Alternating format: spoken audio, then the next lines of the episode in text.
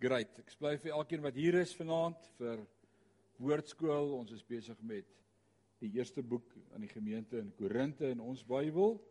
So wat ons het opgeteken vind en uh, ek's opgewonde om vanaand saam met jou verder te kyk na dit wat ons leer en besig is om te leer uit die boek Korinte. Ek hoop vir die wat nog nie hier was of hier is nie, ek hoop julle volg op YouTube of uh, vang op. Ek dink sover is elke vers wat ons gelees het 'n belangrike vers. En uh dis great. Die woord van die Here is net great. Is dit nie so nie? Ek verklaar en belyde die woord is awesome en dis great om in die woord te wees. Pla die aircon. Wie sê hy pla? Is jy happy? Om seef kan jy hoor daar. Is jy happy? Good. Right. Kom ons sit net so. Dan bid ons saam. Hemelse Vader, dankie dat U Heilige Gees ons leer en ons lei in die volle waarheid. Dankie vir die beter een, die parakleet wat U gestuur het, die ander een wat in U plek by ons is om ons te lei, om ons te herinner aan die woorde wat U tot ons gespreek het toe U op aarde was en ook wat u woord wat vir ons geskryf is oopmaak en oopbreek dat ons dit kan verstaan. Wat 'n ongelooflike voorreg om daardie warmte in ons harte te beleef as u woord vir ons oopgebreek word. Dankie dat u besig is met elkeen van ons. Dankie dat u ons verander. Dankie dat ons vanaand kan getuig dat ons nie meer dieselfde is as wat ons was nie. The things I used to do, I do them no more. It was a glad day when I was born again.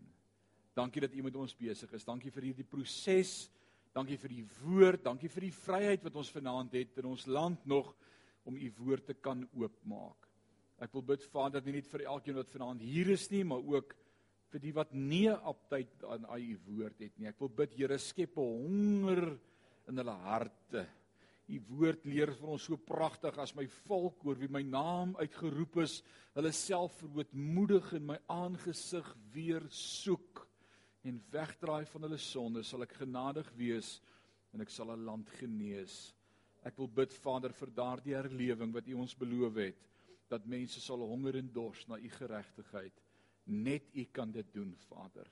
En ek wil bid dat U daardie werk wat U in elkeen begin het sal volëindig. Ek wil bid dat U hulle ore en hulle harte sal oopmaak en sal draai na die Heilige Gees van God, dat hulle sal kom sit om te hoor wat die woord van die Here sê.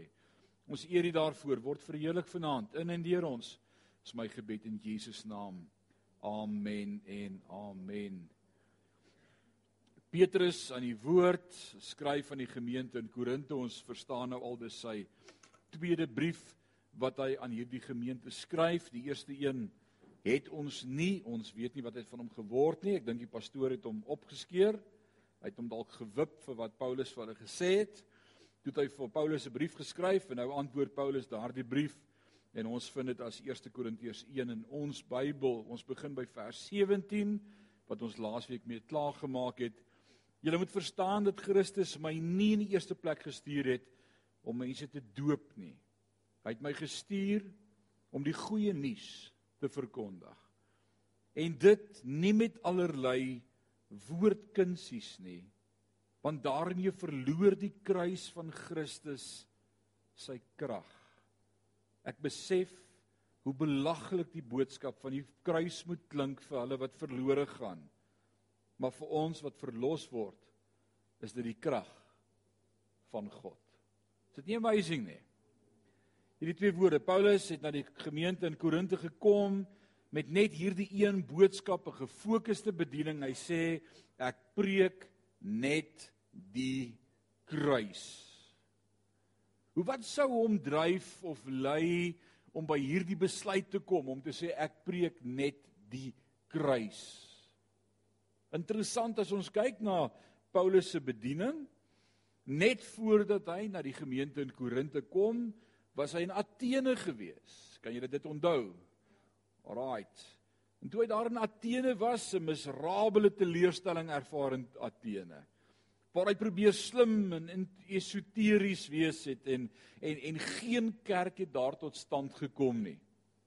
Want hy kom van Athene na Korinte en herinner hulle aan die eenvoud en simplistiese boodskap wat hy verkondig. Wat nie weer probeer om kulturele en en uh assosieerings met allerlei filosowe en en en digkuns Nee, on, onthou jy toe hy daar was by hulle het hy geskryf vanuit al hulle gode se name geken en hy het gesê hier's 'n altaar vir die en 'n altaar vir die, maar hier's 'n God vir wie daar nie 'n altaar is nie wat nie 'n naam het nie, dis ons God. Hy het slim probeer inpas by hulle dogma en ideale in en, en hy het hulle gemis.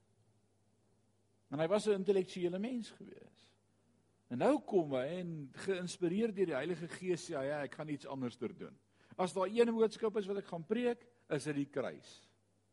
En dan sê hy iets oor daardie een boodskap van die kruis waaroor ek wil hê ons moet 'n oomblik dink. Hy sê ek besef hoe belaglik die boodskap van die kruis moet klink vir hulle wat verlore gaan. Kom ons dink daaroor. Vir die ouens wat in die wêreld is wat verlore gaan, as jy met hom praat oor die kruis, die kruis gaan my red. Dis die kruis oor die waarheid. Bestaan die kruis ook? Was Jesus ooit 'n werklikheid? Dis dit nie net 'n illusie of 'n storie of mitologie nie. Het, het dit werklik gebeur? Moet ek glo in die kruis? Wat gaan die kruis vir my doen? Die kruis is 2000 jaar terug. Dit gaan my niks help om daaraan te glo nie. Dit gaan my probleme nie minder maak nie. Vir die ou wat nie die kruis het nie, is die kruis belaglik. Is dit nie so nie?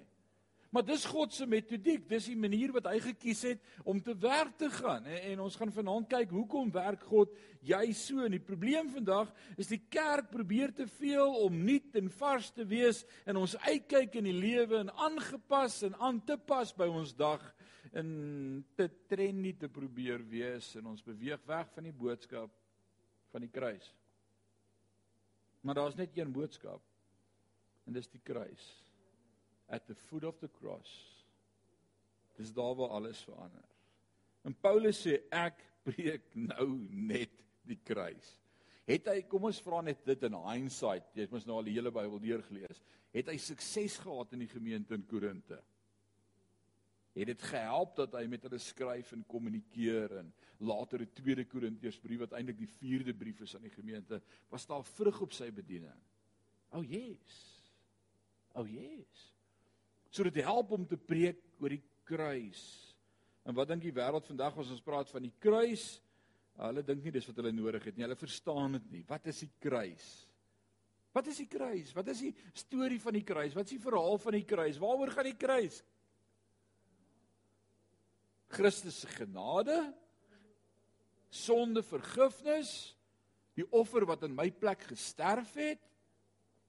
Maar dit gaan meer as dit. Want die woord sê hy wat met sy hart glo en met sy mond bely sal gered word. En dan het ons gepraat toe ons begin het met ons heel eerste woordskool. Wie was die eerste aand van woordskool hier gewees toe ons met ons heel eerste woordskool begin het met Johannes? Marlene, oom Leon, was julle Johan, Kowie, Great, Dion en Dalena. Handjievol. En ons het begin 12 jaar terug met die boek Johannes, die evangelie Johannes. En as die Here ons help het ons eerste en tweede Korintiërs klaarmaak het ons al die boeke van die Nuwe Testament gepreek. Vers vir vers. Week vir week. Son vra vanmôre vir my is daar al iets oor Romeine 8. Ek sê ja, 5 preke, jy kan hulle gaan luister. Hulle is daar. En wat was jou reaksie son? O, nee, gaan jy nou 'n ander woord kies vanmôre? Dis daar. En dis wat so awesome is, as iemand my iets vra, dan sit hy nie my ipoenie nie, dan sê ek luister, gaan kyk gou wat sê die woord. Gaan luister na SoundCloud, gaan kyk op YouTube, dis daar. So hy gaan vrug hê deur te praat oor die kruis, maar die kruis sê nog iets vir my. Jesus sê sy eie woorde as hy met ons praat en hy sê toe sê Jesus vir sy disippels as iemand agter my wil aankom, moet hy sy kruis opneem, homself verloon en my volg. Jy sien, dis die boodskap van die kruis is selfverloning. Dis grait om te praat oor die kruis. Wat sê die kruis? Sorry chom, jy's niks. As ek die kruis verstaan, gaan dit nie meer oor jou nie. Gaan alles oor Christus. Verloon jouself. Die Jesus sê verder, hy sê jy wat jou lewe wil behou, wat veg vir oorwinning en vir en vir oorlewing en in ons tyd wat ons in leef, is dit nogal goed wat baie gesê word, né? Nee, it's a it's a fight for survival. Is dit nie so in die Kobus? Daar in die corporate wêreld daar buite in besighede, besighede teen mekaar en in kompetisie en it's a it's a fight for survival. The fittest will survive. En dan kom die Bybelse boodskap van die kruis en dis die teenoorgestelde. Hy sê as jy jou lewe wil behou, nou let dit af.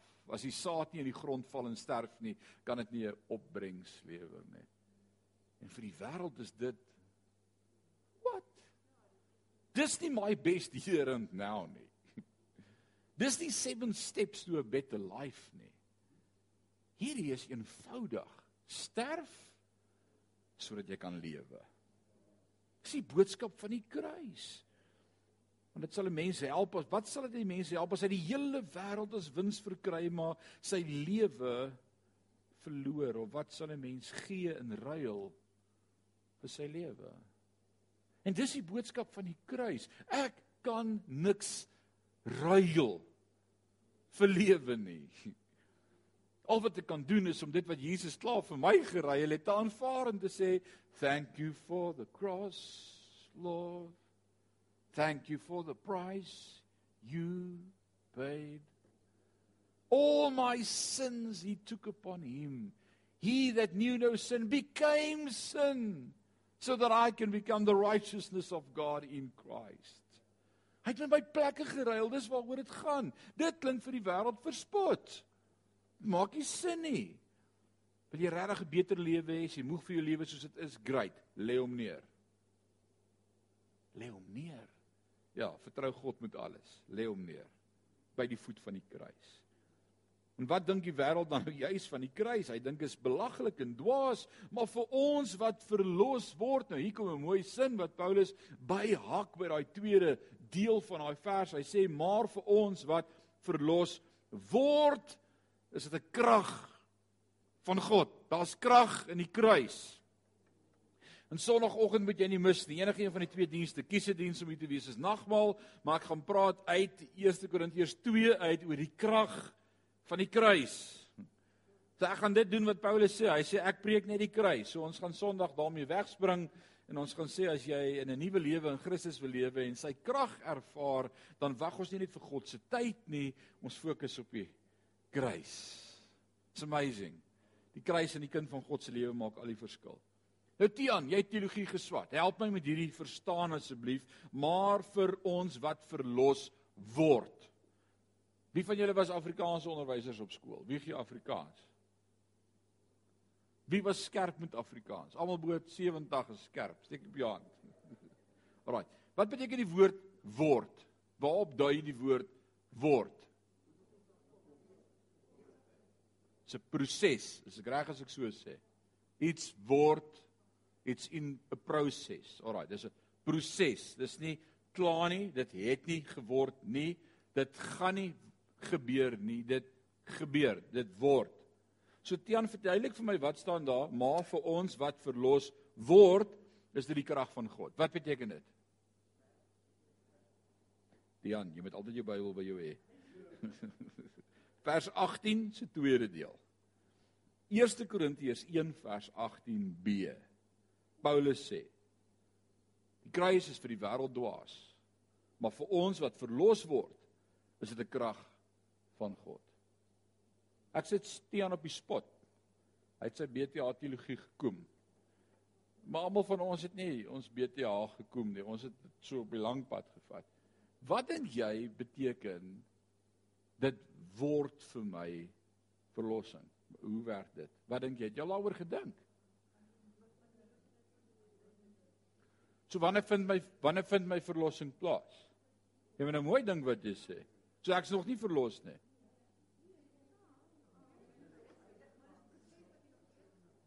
So ek's halfpad verlos.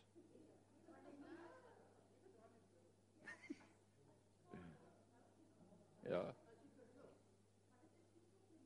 maar ek vandag hier maar hy sê ek word verlos.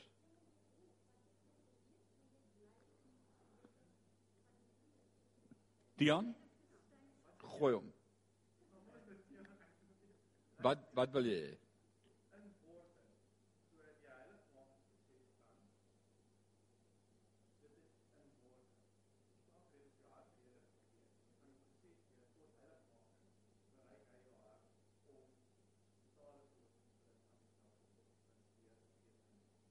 Paulus sê sonder heiligmaking sal jy die koninkryk van God nie sien of of hy sê sien of ingaan nie.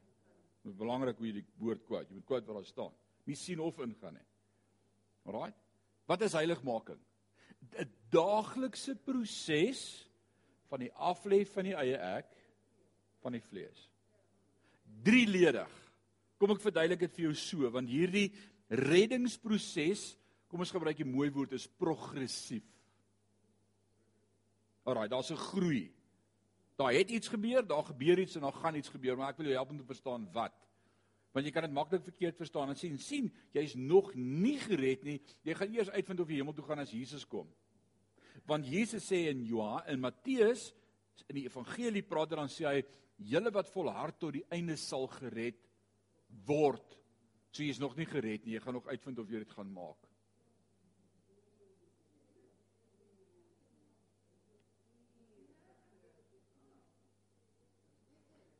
Ek hoop ek skok jou teologie elke week. Want ek wil hê as jy hier uitstap, moet jy nie deur mekaar wees nie, maar jy moet weet wat jy glo en hoekom jy dit glo. En ek stel jou bloot aan al die insprake van al die verskillende menings. OK, konteks en verband. As Jesus in die evangelie praat en hy sê vir die groep Jode met betrekking tot die eindtyd en die laaste dae, julle wat volhard tot die einde sal gered word konteks en verband. Is dit voor die kruis of na die kruis? Is voor die kruis. Soos dit Ou Testament of Nuwe Testament. Al staan daar Matteus 22 is dit Ou Testament. In die Ou Testament met wie praat Jesus? Met die Jood. Hoe weet ek hy praat met die Jood? En ons moet oppas om daai om daai uh gelykenisse net so te vat en te sê sien is vir die kerk en dan's ek verlore en dan's ek een van die vyf maagde wat gaan agterbly en dan's ek weer een van die diensmeisies en dan's ek die bruid en jy's naderhand so deur mekaar jy weet nie wie jy is nie. Konteks en verband. Voor die kruis of na die kruis is voor die kruis. Voor die kruis praat Jesus met die Jood. Hoe weet ek dit? Maar hoe weet ek dit? Die vrou wat se kind siek is, kom by hom en sê Asseblief my kind is siek. Hy sê vir haar, jy's 'n hond, jy's nie 'n Jood nie. Ek het nie nou gekom vir die honde nie. Ek het gekom vir die verlorenes van die huis van Israel. Dis nou Israel se tyd. Dis die tyd dat ek met hulle bemoeienis maak. Dis nog nie jou tyd nie. Daar's nog nie 'n kruis nie. Ek het nie gesterf nie. Ek het nie gesê gaan na al die nasies toe nie. Jou tyd kom. Jy's bietjie vroeg. En dan sê sy asseblief, maar kan dan nie net so lank krummels van die tafel afval nie. My kind is nou siek. En dan sê hy vrou, jou geloof het jou gered. Gaan huis toe jou kind is gesond. Jesus sê vir ons iets. Hy sê is nog nie tyd vir die heidene nie. Hoe weet ek dit? Jesus sê Jerusalem Jerusalem. Hoe dikwels wou ek hele bymekaar maak soos 'n hen na kykens, maar hele wou nie. Die bruilofsgelykenis in Matteus 22. En die Vader stuur die werkers uit na die genooide gaste, die Jode, en hy maak hulle bymekaar en hulle sê nee, dankie, hierdie een seker het 'n vrou gevat, daai een seker het 'n nuwe os gekyk, ek gaan kyk hoe plant hy, daai een seker het 'n huis gekoop wat ek nog nie gesien het nie, ek gaan kyk hoe bly die huis, daai een het 'n verskoning en dan stuur hy 'n tweede groep ouens uit en dan maak hulle hierdie diensknegte dood en dan sê die Vader, nou is ek klaar met hierdie volk, ek gaan hulle stad afbrand. En nou gaan ons na die wêreld toe dis nou tyd dat almal kom. Almal word nou genooi. Dis die oorgang in 'n nuwe dispensasie van Jood na kerk. Ek en jy was nie Jode nie.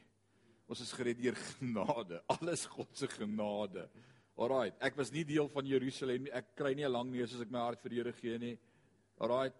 God is nog steeds besig met Israel. Dis nog steeds sy volk en in die 7 jaar verdrukking van God moet hulle deel.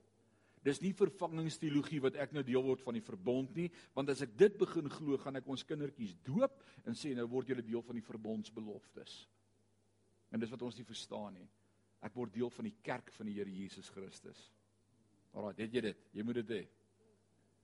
So wat is hierdie progressiewe groei van bekering? Want ek sê dan nou dis nie wat die Bybel sê as Jesus vir die Jode sê, julle wat volhard tot die einde gaan gered word nie. Is die Jode al gered? Het hulle al die Messias gesien as hulle verlosser en saligmaker? Nee, hulle gaan nog. Jesus het met die Jode gepraat. So kan ek dit nou die kerk daarin lees en sê sien, ons gaan nog uitvind of ons dit gaan maak. Nee, Jesus praat nie met ons nie. Hy praat met die Jode. Filippense 1:6, Ou of Nuwe Testament? Nee, nou dink julle heeltemal daar daaroor. Dis nie 'n trick question nie. Filippense, Paulus skryf Nuwe Testament. Paulus sê hy wat die werk in jou begin het, sal dit sê saam met my sal dit nie gaan hoop dalk miskien as hy lus is nie sal dit volëindig. Efesiërs 1 Geseënd is die God en Vader van ons Here Jesus Christus wat ons geseën het met alle seënings in die hemel en op die aarde wat ons verordeneer het wat ons by ons naam geroep het wat ons sy kinders gemaak het wat ons die Heilige Gees gegee het as onderpand dat ons dit gaan maak. Nee, ek gaan maar uitvind ek weet nie of ek dit gaan maak nie, net die Here weet. nee.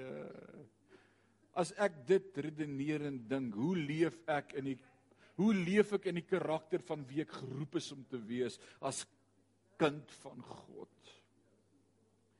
Jy sê kind van God, nee, ek weet nie ons sal maar uitvind eendag as ons gemal. Nee, hoe bid jy? Hoe glo jy? Hoe leef jy? Johannes kom dit so mooi as hy sê julle wat reeds die ewige lewe deelagtig geword het hy is in jou. So wat is hierdie progressiewe groei? Het Paulus iets verkeerd verstaan as hy sê maar vir ons wat verlos word, is dit 'n krag van God. Kyk mooi, dis 'n progressiewe verloop. In die eerste plek, ons is gered toe ons ons harte oopgemaak het vir Jesus Christus as verlosser. Ons is gered van die straf van sonde. Reg of verkeerd? Johan, gaan jy nog dalk hel toe? Tiaan, gaan jy dalk nog hel toe? Is daar dalk nog 'n straf vir jou? Nee, ek is reeds gered en ek het die ewige lewe. Daar's geen straf meer nie. Romeine 8 vers 1, daar is dan nou geen veroordeling meer vir die wat in Christus is, wat nie wandel volgens die vlees nie, maar volgens die Gees. Ouers, julle moet die Bybel ken, it's amazing. Praat jy is reeds gered. Punt 1. Punt 2. Ons word gered van die krag van sonde. Ek het 20 jaar terug my hart en lewe vir die Here gegee. Argument so 'n halwe. My naam is geskryf in die boek van die lewe. Ek gaan nie meer hel toe nie. Ek gaan nie betaal vir my sonde nie. Behoort aan hom. Maar daar's nog dinge in my lewe wat onder sy heerskappy moet kom en daai daaglikse proses. Tiaan het gepraat van heiligmaking wat ek elke dag meer en meer sterf vir sonde en sonde oorwin. Dis 'n daaglikse proses om gered te word van die krag en die hou vas van sonde. Wie van julle doen geen meer sonde nie? Steek gou julle hande op. Ag nee, julle stel my teleur. Die Hebreërs skrywer sê van wie die tyd moes julle al leraars gewees het, maar julle het weer nodig om te begin met die eerste dinge van die woord. Alraai, maar jy weet jy's nie meer waar jy was nie. Dank God daarvoor. Wie kan vanaand daarvan getuig? Ek doen nog dinge wat ek nie wil nie. En Paulus verduidelik dit vir ons in Romeine 7 As hy sê dit lyk vir my met my gees dien ek een stel reëls, 'n nuwe wet. My gees is gewederbaar behoort aan God, maar die stuk vleis, ek sukkel met hom. Wie kan sê amen? Ek sukkel met hom. Ek sê ek gaan nie meer koekies eet nie, my vinger gaan na die koekies toe. Ek sê ek gaan nie weer kwaad word nie, my wange blaas 5 bar op. Ek sê ek gaan nie weer lelik praat nie. Ek sê dinge dan dink ek, "Ja, wie dit dit was nie ek nie. Ek het dit nie gesê nie." Ek sukkel met hierdie stuk vleis. Dink gou mooi, wat het gebeur aan die kruis? Kom ons reverse. Wat het gebeur met die sondeval? Adam en Eva, tweeledig. Geestelike sonde, sterf. Vleeslik sterf. Jy's geestelik dood en vleeslik gaan jy sterf. Was dit God se plan dat Adam en Eva sou sterf? Hy hy wou hê ons moet vir altyd lewe. Sonde, twee goed. Gees sterf, vlees sterf. Kruis kom. Jesus sterf aan die kruis. Paulus spreek die kruis. Wat doen die kruis? Dit red my gees. Ek behoort nou aan God, maar die stuk vleis hy het pyne en krampe en dinge en hy het sy eie kop. En hy het sy eie wil. En ek sukkel met hom. En Paulus sê die dinge wat ek nie wil doen nie, dit doen ek. En wat ek wil doen, dit doen ek nie. Dit lyk vir my my gees is gewillig, maar die stuk vleis is swak. Ek gaan vir 21 dae vas. Hierdie vleis sê vir my, as jy mal, jy gaan doodgaan. My gees sê ek soek God, ek soek 'n koneksie met hom, ek soek herlewing in my hart. Die vleis sê as jy nie nou begin eet nie, gaan jy doodgaan. Dis die heeltyd 'n veg, nie, nie in jou lewe nie. My lewe is 'n geveg. So wanneer word die stuk vleis gered? Kowie, wat sê Paulus in Romeine 7? Hy sê dit lyk vir my daar's net een oorwinning vir hierdie stuk vleis en dit is die dood. En daarom sê ek kind van God, ek kan nie wag om huis toe te gaan nie dan kan ek nooit weer sonde doen nie. Ek's verlos van 'n tempel van hierdie aarde. Die dood het geen hou vas meer op my nie. Hy gaan my nie bang maak nie. Ek is by my verlosser en koning. Wat ons weet, weet ons nie, maar dit weet ons dat in een oomblik ons in 'n oogwink verander sal word van heerlikheid na heerlikheid en met onver onsterflikheid bekleë word. Um, ek sal dit nie amazing wees nie. En daarom as ek hier uitleef, leef ek in by hom. Vir 'n kind van God is hy dood Wow, ek kan nie wag nie. 'n Wins. Vir my is die lewe Christus en om te sterwe 'n wins. En as my so snaaks, ons kinders van die Here wil almal graag hemel toe gaan. Is dit nie waar nie? Wie van julle wil nie hemel toe gaan nie? Laat ek net die hande sien. Julle wil almal gaan. Maar o, mense, jy wil net nie siek word nie, jy wil net nie dood gaan nie. O, ek moet dokter toe gaan, ek voel nie lekker nie. Net hou net 'n paar jaar langer lewe. Ouens, Jy moet leer dat niks kan skei van God nie. En ek garandeer jou vandag, hoor mooi wat ek sê, God is soewerein. Jy sal nie een dag voor jy moet doodgaan, doodgaan nie. Alraai. OK, een penado gaan jou nie 'n dag langer laat lewe nie. Dis net 'n grap, maar is die waarheid. So ek is gered.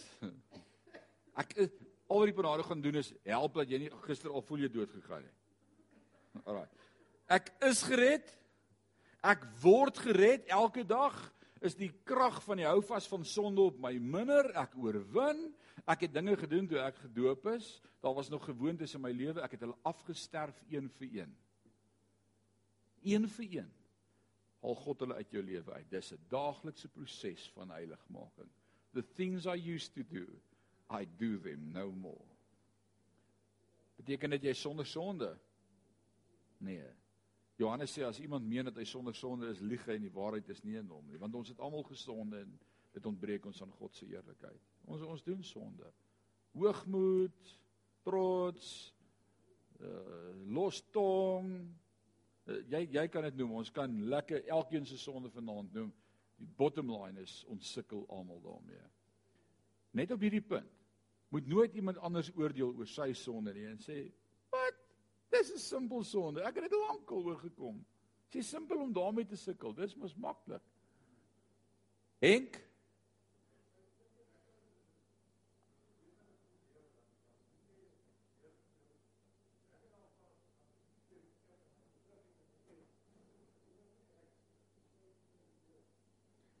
Dit is so lekker as jy daai geleentheid het om net bietjie te dink en te besef ek lyk nie meer soos ek 'n jaar terug gelyk het nie. Dalena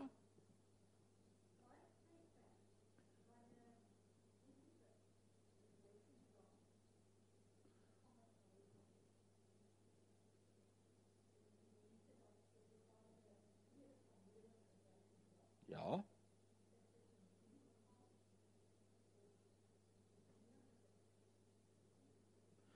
Ons kom terug saam met Jesus, reeds geklee in onsterflikheid. Ons het klaar gegooi, klaar geglo, klaar tot bekering gekom, klaar God se kinders, heers as konings en priesters saam met hom vir 1000 jaar. OK. Maar in daai 1000 jaar op aarde gaan die proses van voortplanting aan, daar word mense gebore. Ons gaan hulle nou vertel van Jesus. Jy sit vanaand hier en jy los vir my al die werk om jou te verduidelik. Ek gaan vir jou lag in daai 1000 jaar. Jy gaan jou eie gemeente hê en dan moet jy lekker o, ek wens ek het meer woordskool toe gegaan dat ek nou kon verstaan, maar hang net vas, ek gaan net jy gaan lekker ging, ging, ging. So jy moet die Bybel onder die knie kry. Ons gaan saam regeer as konings en priesters. Wat wil jy vir die mense leer as jy nie weet nie? Skus ek beklei met die verkeerde ouens. Maar dis net 'n dis net 'n vraag. Nee, ons ons gaan vanaand maar net 'n praise and worship aanhou. Kom ons sing maar net 'n koortjie. Ja, that that's that's cheat. Ons gaan die mense leer van God. Ons gaan die die openbaringskennis hê om die woord oop te maak en die woord vir hom te leer. God verander nie. Ons gaan nie skielik vir hulle van 'n nuwe God leer nie. Alles bly dieselfde. Iemand vra nou die dag jy wil kerk bou, gaan jy nou nie meer kerk bou nie. Dis seker nou nie meer nodig nie. Jy sê as ek die Bybel reg verstaan, na 7 jaar verdrukking kom ons terug om vir 1000 jaar hier te wees. Ons beter dit net so bou dat ons kan terugkom na ons kerk toe. Dan gaan ons kerk hou.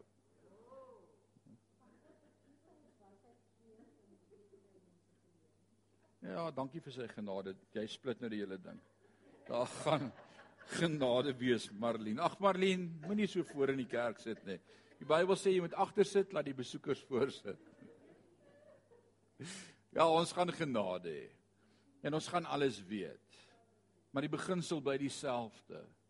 Net die wat geleer het van God gaan iets hê om te leer vir ander mense. Is dit nie so nie? Jesus, ek is in 'n awesome woordskool. Jy moet hoor wat ons alles leer. Is dit wat jy geleer? Uh nee, luister na sy antwoord. Ek het nie klone daar gaan geen sonde wees vir 1000 jaar nie en dis juist hoekom die duiwel losgelaat gaan word na 1000 jaar sodat almal regverdiglike keuse het om te kies tussen twee want anders is dit nie kies nie en God sê jy het 'n vrye wil jy moet kan kies so na 1000 jaar van glo en ek hoop jou teaching gaan staan na 1000 jaar want skielik gaan die duiwel verskyn en dan het hulle keuse jy het hulle gewaarsku hoe gaan dit vir jou voel as jy halfte van jou gemeente kies verkeerd kies terrible. Alraai. Dis waar jy wou gaan. Dis jou antwoord gewees. Alraai. So ek is gered, ek word gered en wanneer word ek vir altyd van hierdie vlees gered? As ek sterf. Great, julle het dit. Is dit is dit moeilik? Ek is reeds gered, ek behoort aan hom. Ek gaan nie uitvind of ek dit maak nie, ek maak dit. Ek is besig om te sterf in die proses om oorwinning te kry oor sonde en Romeine 6 leer dit vir my. En dis deel van waarvan die doop is. Die doop is die begrafnis van die ou mens en die opstaan van die nuwe mens. En sê ek leef nie meer nie, hy leef nou binne in my. Maar ek moet net skyn wat binne in my is. Maar die stuk is nog in die pad. Hy is nog in die pad. So almal is in hierdie proses. Maar vir ons wat verlos word, is dit die krag van God. Vers 19. Ons gaan heeltemal te stadig, ouens. Moenie so baie vrae vra nie asseblief, Elena. Vers 19. Soos die skrif sê, ek sal die wyse mense se wysheid tot nut maak en die skerpsinniges se briljante idees sal ek van die tafel afvee. Paulus sê Jesus se woorde, God se woorde is almal wat dink hulle is so slim, dis toe glad nie so slim nie. Ek sal hulle slim goeders, hulle slim praatjies, hulle slim idees in een oomblik van die tafel afvee. Hulle het gaan niks sê om op te staan nie, want wat is die enigste ding wat gaan staan tot in die ewigheid? Die prediking van die kruis. Die kruis, die kruis, die kruis, die kruis. Almal wat dink hulle is so slim, die skepping en die evolusie en die verskillende godsdienste. Ek ek ek sien iemand stuur vir my die afgelope week het ek dit van 'n paar bronne afgekry. Ek werk nog self daardeur, maar dat die Abrahamic religion nou gestig is. Het julle dit gesien? Die Abrahamitiese godsdiens wat plek maak vir die Christene en vir die Jode en vir die Moslems almal onder die Vader Abraham covering. Drie tempels langs mekaar gebou om plek te maak vir almal as familie van Abraham. Ons het nou uiteindelik 'n gemeene deler wat ons mee kan vrede maak. Dis deel van die wêreld religion een godsdiens reg oor die wêreld wat alle godsdienste gaan insluit waaronder die anti-kris gaan kan uitstap en sê nou kan ons almal at least vrede hê. Die moslem en die jood en die christen is toe nou al drie eintlik reg want ons kom van Abraham af. Is dit nie amazing nie? Whatever. Alraai ek ek sê net vir jou wat's besig om te gebeur daar buite ek weet jy bly in Parys en jy lees net Parys nuus en info maar daar's baie meer in die wêreld wat gebeur. OK. Alraight. Skus, saving guate. Alraight, soos die skrif sê, ek sal die wyse mense se wysheid tot nut maak en die skerpsinnige se briljante idees van die tafel afvee. Wat het dus geword? Nou vra Paulus uitloklik vir hierdie gemeente in Korinte dink aan die agtergrond, dink aan die gebruike, dink aan die godsdienste wat beoefen word, dink aan die tempelprostituie wat op straat in die aand sending werk doen en hulle bordele volkry sodat die geld na die skatkis toe kan kom, die perversiteit, die dronkenskap in daardie stad, hou dit in gedagte en nou vra Paulus hierdie vraag vir hulle Wat het dus geword van al die filosowe en die boekgeleerdes en die debatvoerders van hierdie wêreld? Waar's almal met hulle slim idees van hoe Korinte moet lyk? Waar's almal wat invloed gehad het op hierdie stelsel en hoe dit nou lyk? Waar's hulle nou? Dis 'n orgie. Waar's hulle nou? Almal het die pad gevat. God het bewys hoe inherent dwaas die wysheid van hierdie wêreld in werklikheid is Ons sien wat veronderstel is om wys te wees, maar soos die tyd aanstap, sien ons dat hulle antwoorde buite die woord dwaas is.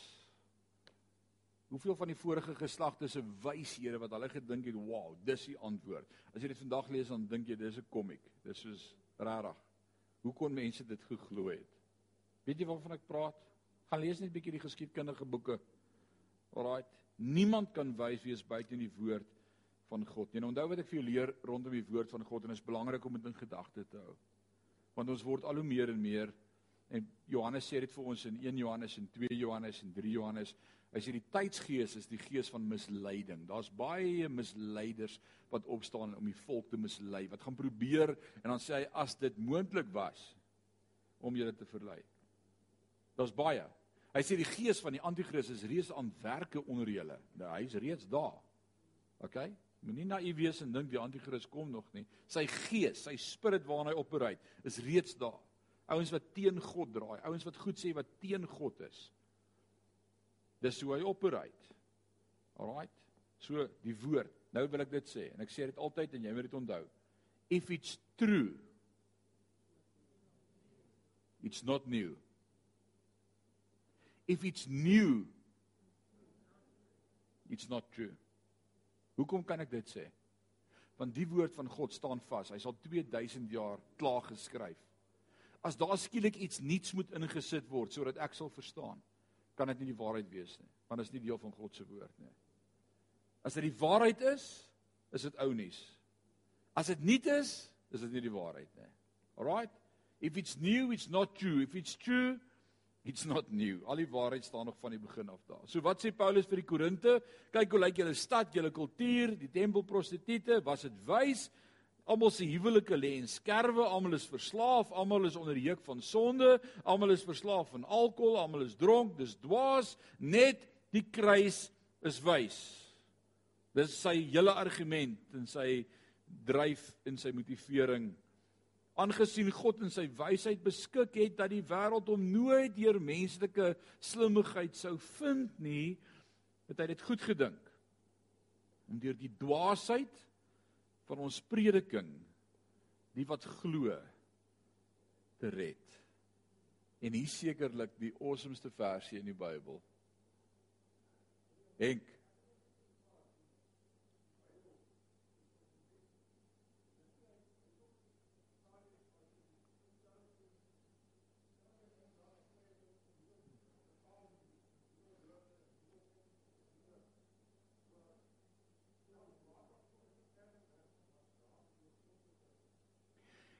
Henk, ek dink in 12 jaar het ons dit al redelik verstaan hier by woordskool. Daar's dalk ander vertalings, nuwe vertalings, nuwe maniere om na die teks te kyk, maar die grond bly presies dieselfde. En daarom is my manier en ek leer dit vir jou as jy Bybelstudie hou, moenie net een Bybel lees. En ek het die Bybel gekry by my pa toe ek 10 word en nou lees ek hom nog steeds net. Jy mis. Alraai, ek dink ek het nou net dag getel Tian, hoeveel Bybelvertalings is op my boekrak? Dink jy daar's 4?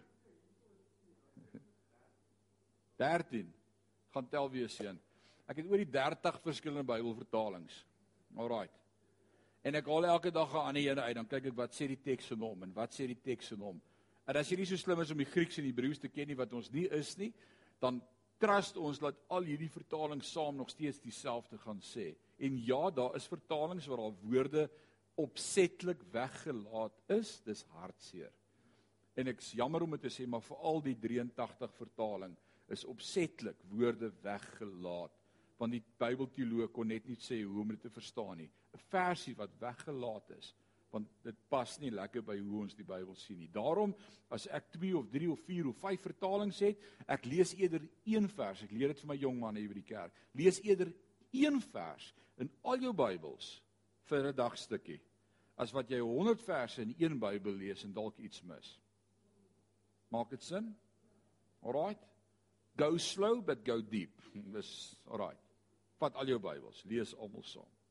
En dis amazing van die woord van God. En dis wat ons hier by Woordskool probeer doen. Ek werk deur die 53 83 ag 33 53 vertaling, saam met dit die nuwe lewende vertaling, saam met dit kry ek die direkte vertaling. Ek vat die 2020 vertaling en ek sit almal bymekaar en ons kyk wat sê die teks. Dian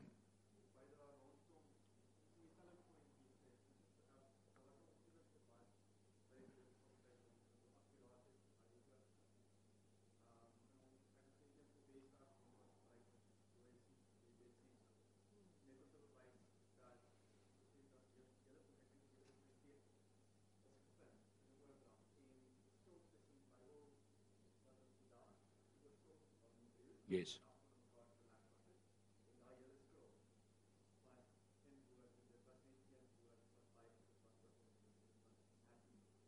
Absoluut. Definitief. Dit's akkuraat, dis lekker om te weet, maar die Dead Sea Scrolls, daai scrolls wat nou nog gevind word, nuwe skrifte wat ontdek word van duisende jare terug wat opgeskryf is, lyk dieselfde as ons Bybel. Wat vir my sê ons is besig met die regte ding net 'n ou wat is aan bokslaan of soek om jou mee te slaan gaan sê die Bybel, nê. Nah, is deur mense geskryf. Ek dank God hy gebruik die dwaasheid van mense om sy godheid te bewerk. Dis presies wat hierdie teks sê. Hy sê hy het dit goed gevind om die dwaasheid van ons prediking te red die wat glo. Is dit amazing nie? Wat 'n dwaase ding is dit om te preek? En God gebruik dit om mense se lewens te verander. Just like dis hoe hy werk. Om die woord te hoor en daaroor te bid en dit te doen, dis God se keuse vir groei. Dis prediking. Hy het dit goed gevind om die dwaasheid van ons prediking, die wat glo, te red. Nou let wel, hier staan nie die prediking van dwaasheid nie. Ek het al dwaase goed gehoor wat gepreek word. En ek dink nie dis hoe God werk nie. So jy moet leer om te onderskei, is dit woord? Is dit skrif? Is dit in die Bybel? So hoe kan ek en jy onderskei tussen dwaase prediking en ek dink dis relevant tot ons dag want ons gaan al hoe meer en meer goed hoor wat ouens sê jy's in media is fenomenaal. Ek bedoel daar's daar's allerlei platforms van TikTok af deesdae wat sy uh, verskriklike ophef het. Ja, jy jy het vandag 'n TikTok gekry. Come on. Elke liewe mens kry 'n TikTok elke dag. En elke enige mens kan 'n TikTok maak en en, en moenie net dink dis die evangelie nie. Meet dit altyd terug na die woord. So hoe onderskei ek of dit dwaase prediking is? Baie eenvoudig. En hoe sal jy hoe sal ons die verskil kan onderskei? Maklik, jy kan dit sien in die skrif. So enigiets wat ek hoor, enigiets wat iemand vir my forward, enigiets wat ek sien, stop die bus, kry die skrif. As daar nie 'n skrif is vir dit nie, is dit nie in die Bybel nie. Al klink dit hoe nice. Al gee dit jou hoendervleis. Dis nie in die skrif nie. Dan sit nie die skrif nie.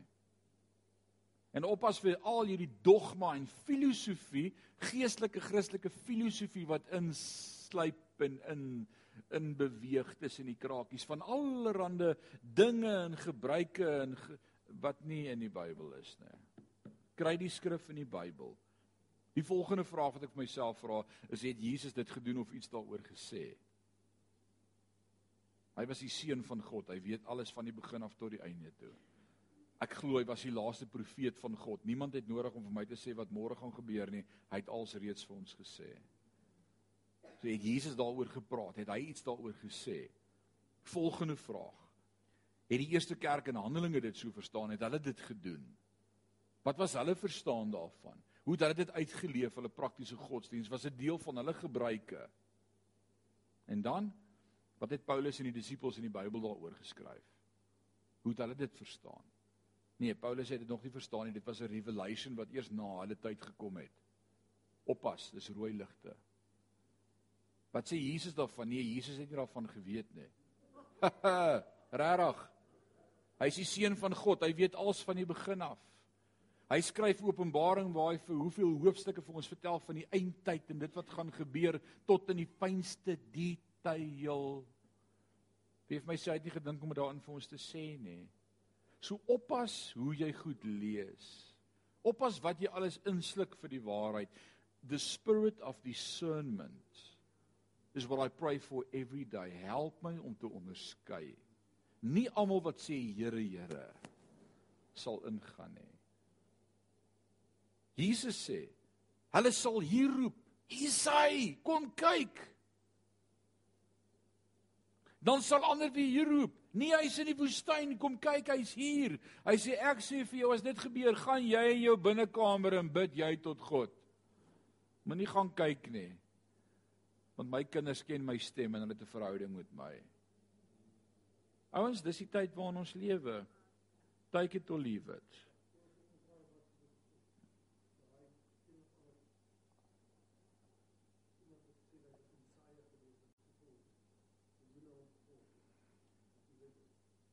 en toe sit hy nou nie hy nie. Maar hoeveel is mislei in daai tyd? En dan kom die volgende een en hy sê wie ek is die Messias en ek doen wonderwerke en almal jaag vir mense soek sensasie. Hulle hou van bene wat groei en arms wat langer word en oë wat sien. Hulle jaag altyd na dit. Dis nie die barometer vir of dit God is nie. As Jesus sê Hulle sal sê, Here, in U naam het ons duiwels uitgedryf. Nee, hy gaan verder. In U naam het ons dooies lewendig gemaak. En dan sal ek as seun van God sê, ek het jou nie geken nie. Oppas wat jy die barometer maak vir geestelikheid. Jesus het dit nie die hy het dit nie die norm gemaak nie. Hy het gesê met 'n verhouding hè, jy moet my ken. Gnosis, the knowledge of God. Intimiteit ken jy sy stem. Dis dis dis dis dis al. Lekker jy gaan moet leer om te onderskei alles wat in die naam van die Here gebeur is nie die Here nie. En dan sê hy in vers 22, kom ons kyk of ons kan klaarmaak. Ek weet nie. Die Jode wil wondertekens hê om die waarheid van die goeie nuus te bevestig. Wie wil die wondertekens hê sê hy? God se volk. Nee, as dit die Messias is, moet daar tekens wees. Wat is die wonders en die tekens? Moses het Moses het wonders en tekens, water uit die rots, soet water by Mara, vuurkolom, wolkkolom, manna, kwartels. Was dit vir die Israel genoeg in die woestyn? Hulle soek nie reg wonders en tekens nie. Hulle soek eintlik nie God nie en dis wat Jesus soveel keer vir Israel sê. Julle dien my met julle mond, maar julle hart is ver van my af. Nou sê Paulus, hy sê die Jode soek wonders en tekens om die waarheid van die goeie nuus te bevestig en die Grieke, ag nee, die Grieke soek 'n vertoon van wysheid. Hulle soek slim ideoloog, hulle soek uh uh filosofie en uh hulle soek net uh, hulle soek wysheid. Die Grieke, die intellektueles. Nee, verduidelik dit vir my stap vir stap wil ek dit sien. Nou wat sê Paulus rondom dit? Hy sê maar ons ons verkondig die gekruisigde Christus. En vir die Jode is dit skokkend. En vir die Grieke, die nie-Jode, is dit 'n absolute dwaasheid. Hulle verstaan dit nie. Dis die kruis en dis die kruks van die bediening. Die kruks is the tipping point, né? Dis wat 'n kruks beteken, daai punt waarop alles draai. Nou die kruis is die kruks, is die tipping point. En dit is ons bediening, die kruis. En wat die kruis in my en jou lewe gedoen het, die kruis is die sleutel En kom luister asseblief sonoggend as ons praat oor die kruis. Nou sê hy vir die Jode is dit skokkend en vir die nie-Jode absolute dwaasheid. Maar vir ons almal wat deur God geroep is, Jode en Grieke, sê saam met my geroep is. Ouens, ek het nie vanaand tyd om 'n uur met jou te praat oor uitverkiesingsleer nie. Maar wat beteken dit om geroep te wees? Verstaan jy wat dit beteken om geroep te wees? Verstaan jy dat dit nie jy was wat God 'n kans gegee het in jou lewe en sal kyk of dit werk nie, maar dat dit hy is wat in jou gewerk het om te wil en dat dit net sy genade is. Ek het God nie gesoek nie. Romeine 3 vers 10 sê niemand soek God nie, nie een van ons nie. Want ons is in sonde gebore en ontvang en ons wil wegkruip vir God, maar hy het in my gewerk, Louis. En gesê, ou boet, jy moet vanaand bietjie kerk toe gaan vir 'n slag. En ek wou nie, ek het vier voete vasgesteek, maar toe ek weer dink, toe dink ek ja, laat ek nou maar vir 'n slag kerk toe gaan. En toe trek ek my mooi aan en ek sê daai aan daar agter Pieter net so ry agter jou, net so twee sitplekke op. En ek is op daai stadium ver van die Here af. Bly in Johannesburg, teruggeval. En daai aand, deur die eenvoudige prediking van die woord, werk die Heilige Gees in my hart en ek dink, ja, laat ek terugkom na die Here toe. Maar dit was nie ek nie. Vandag sê ek as dit nie vir daai aand was dat ek my ore oopgemaak het en ek God vir altyd gemis, maar hy het die werk in my begin. Efesiërs 2 gaan lees dit as Paulus skryf van die gemeente in Efese vers 5 6 en 7 hy sê julle word nie gered deur werke nie maar deur geloof en daardie geloof was 'n geskenk van God sodat niemand kan sê ek het besluit om te glo nie Nee, jy het nie besluit om te glo nie. God het besluit om vir jou die geskenk te gee. En toe glo jy, jy het gedink is jy, dis alles hy. Nou is dit nie aanfair as God my trek en nie die volgende een nie, is dit nie onregverdig nie? Hoekom roep party net deur die Here en die ander nie? Petrus skryf en dan sê hy dis nie die wil van God dat enige een verlore gaan so wat julle dink nie, maar dis die wil van God dat almal gered sal word. Maar hoekom word almal nie gered nie? En hoekom roep party en party nie? Baie maklik. God het voor die grondlegging van die aarde reeds geweet wie gaan respond as hy jou roep en wie gaan sy hart verhard en sê nee, dankie. En omdat God God is, het hy die geroep wat sou respond en gesê ek gee jou 'n mate van geloof al wat jy moet doen is glo. Dis alles die kruis. Dis alles kruis. Dankie God vir die kruis. Ek kon dit gemis het. Ek het dit amper gemis. Ek was nie so heilig nie, ek was nie so oulik nie. Ek het amper die kruis gemis. Dalk sit jy vanaand hier en jy weet, I nearly missed it. I nearly blew it. Maar dank God vir genade. Ek ek is net so vol dankbaarheid vanmôre vanaand. Hy sê hierdie goddelike dwaasheid is oneindig wyer as enige menslike wysheid en hierdie goddelike swakheid is oneindig sterker as enige menslike krag vertoon. Dit is alles God se genade. Alles sy genade. Ek dink kom ons vat 'n paar oomblikke vanaand. Kom ons ek, gaan nie klaarmaak. Baie mense moet in die bed kom, dis half. Ek, ek gaan nie klaarmaak. Maar net voor ons gaan, net 'n paar oomblikke, net daar waar jy sit, maak jou oë toe. Dan sê jy net vir hom, respond net, dan sê vir hom dankie vir die kruis. Maak nie saak hoe dwaas die wêreld dink dit is nie, dit maak die verskil, dit maak die lewe vir my. Dit dit maak al die verskil in my lewe. Dankie vir u genade, dankie vir u geloof, dankie dat u my kom vind het, dankie dat u my kom roep het. Dankie dat u my kom soek het toe ek verlore en blind en dood en in een kant was. Dankie dat u my kom roep het deur die Heilige Gees se stem in ons lewe. Dankie dat u wat die werk in ons begin het, dit sal volëindig. Dankie dat u my kom uitsoek het en losgemaak het. Dankie dat u u Gees in my uitgestort het. Dankie dat u in my begin het hierdie pad wat u met my stap Here my hart is vanaand so gevul met dankbaarheid. En nou Paulus sê dis dis dwaas by die wêreld en die Jood verstaan nie die kruis nie en die Griek sê dit maak nie sin nie, maar vir ons wat dit gevind het, maak dit die hele verskil. Die kruis van Christus. Dankie vir die kruis. Dankie vir die ewige lewe. Dankie vir u liefde en u genade met ons. Dankie vir u ontferming. Dankie vir u woord. Dankie dat U wat die werk in ons begin het, dit sal volëindig, koning. Ek wil vanaand vir elkeen bid wat hier is, vir elkeen bid wat saam met ons van die huis af kyk en luister en na die tyd ook hierna gaan luister en dit hoor. Dat ons vanaand opnuut daardie koneksie wat ons met die kruis het sal opskerp in ons lewe. Meer dankbaar sal wees vir die kruis en besef dat alles in ons lewe draai rondom die kruis van Christus. Al ons bekommernis, al ons probleme, al ons krisisse, al ons toetse wat ons beleef en ervaar, al ons alles draai rondom die kruis. En ons sê vir U dankie vir die kruis. Ek wil nou al breeds bid vir Sondag se woord, Vader, dat U ons sal bless met U teenwoordigheid en sal ons besoek met die Heilige Gees en eh, dankie dat ons die kruis gaan celebrate. Die kruis van Jesus Christus word verheerlik deur elkeen van ons, Vader. Hou ons vas in die holte van U hand. Ons eer U daarvoor. In Jesus naam en sê ons sê amen en amen. Great. God bless you all richly. Be blessed. Shalom. Maranatha.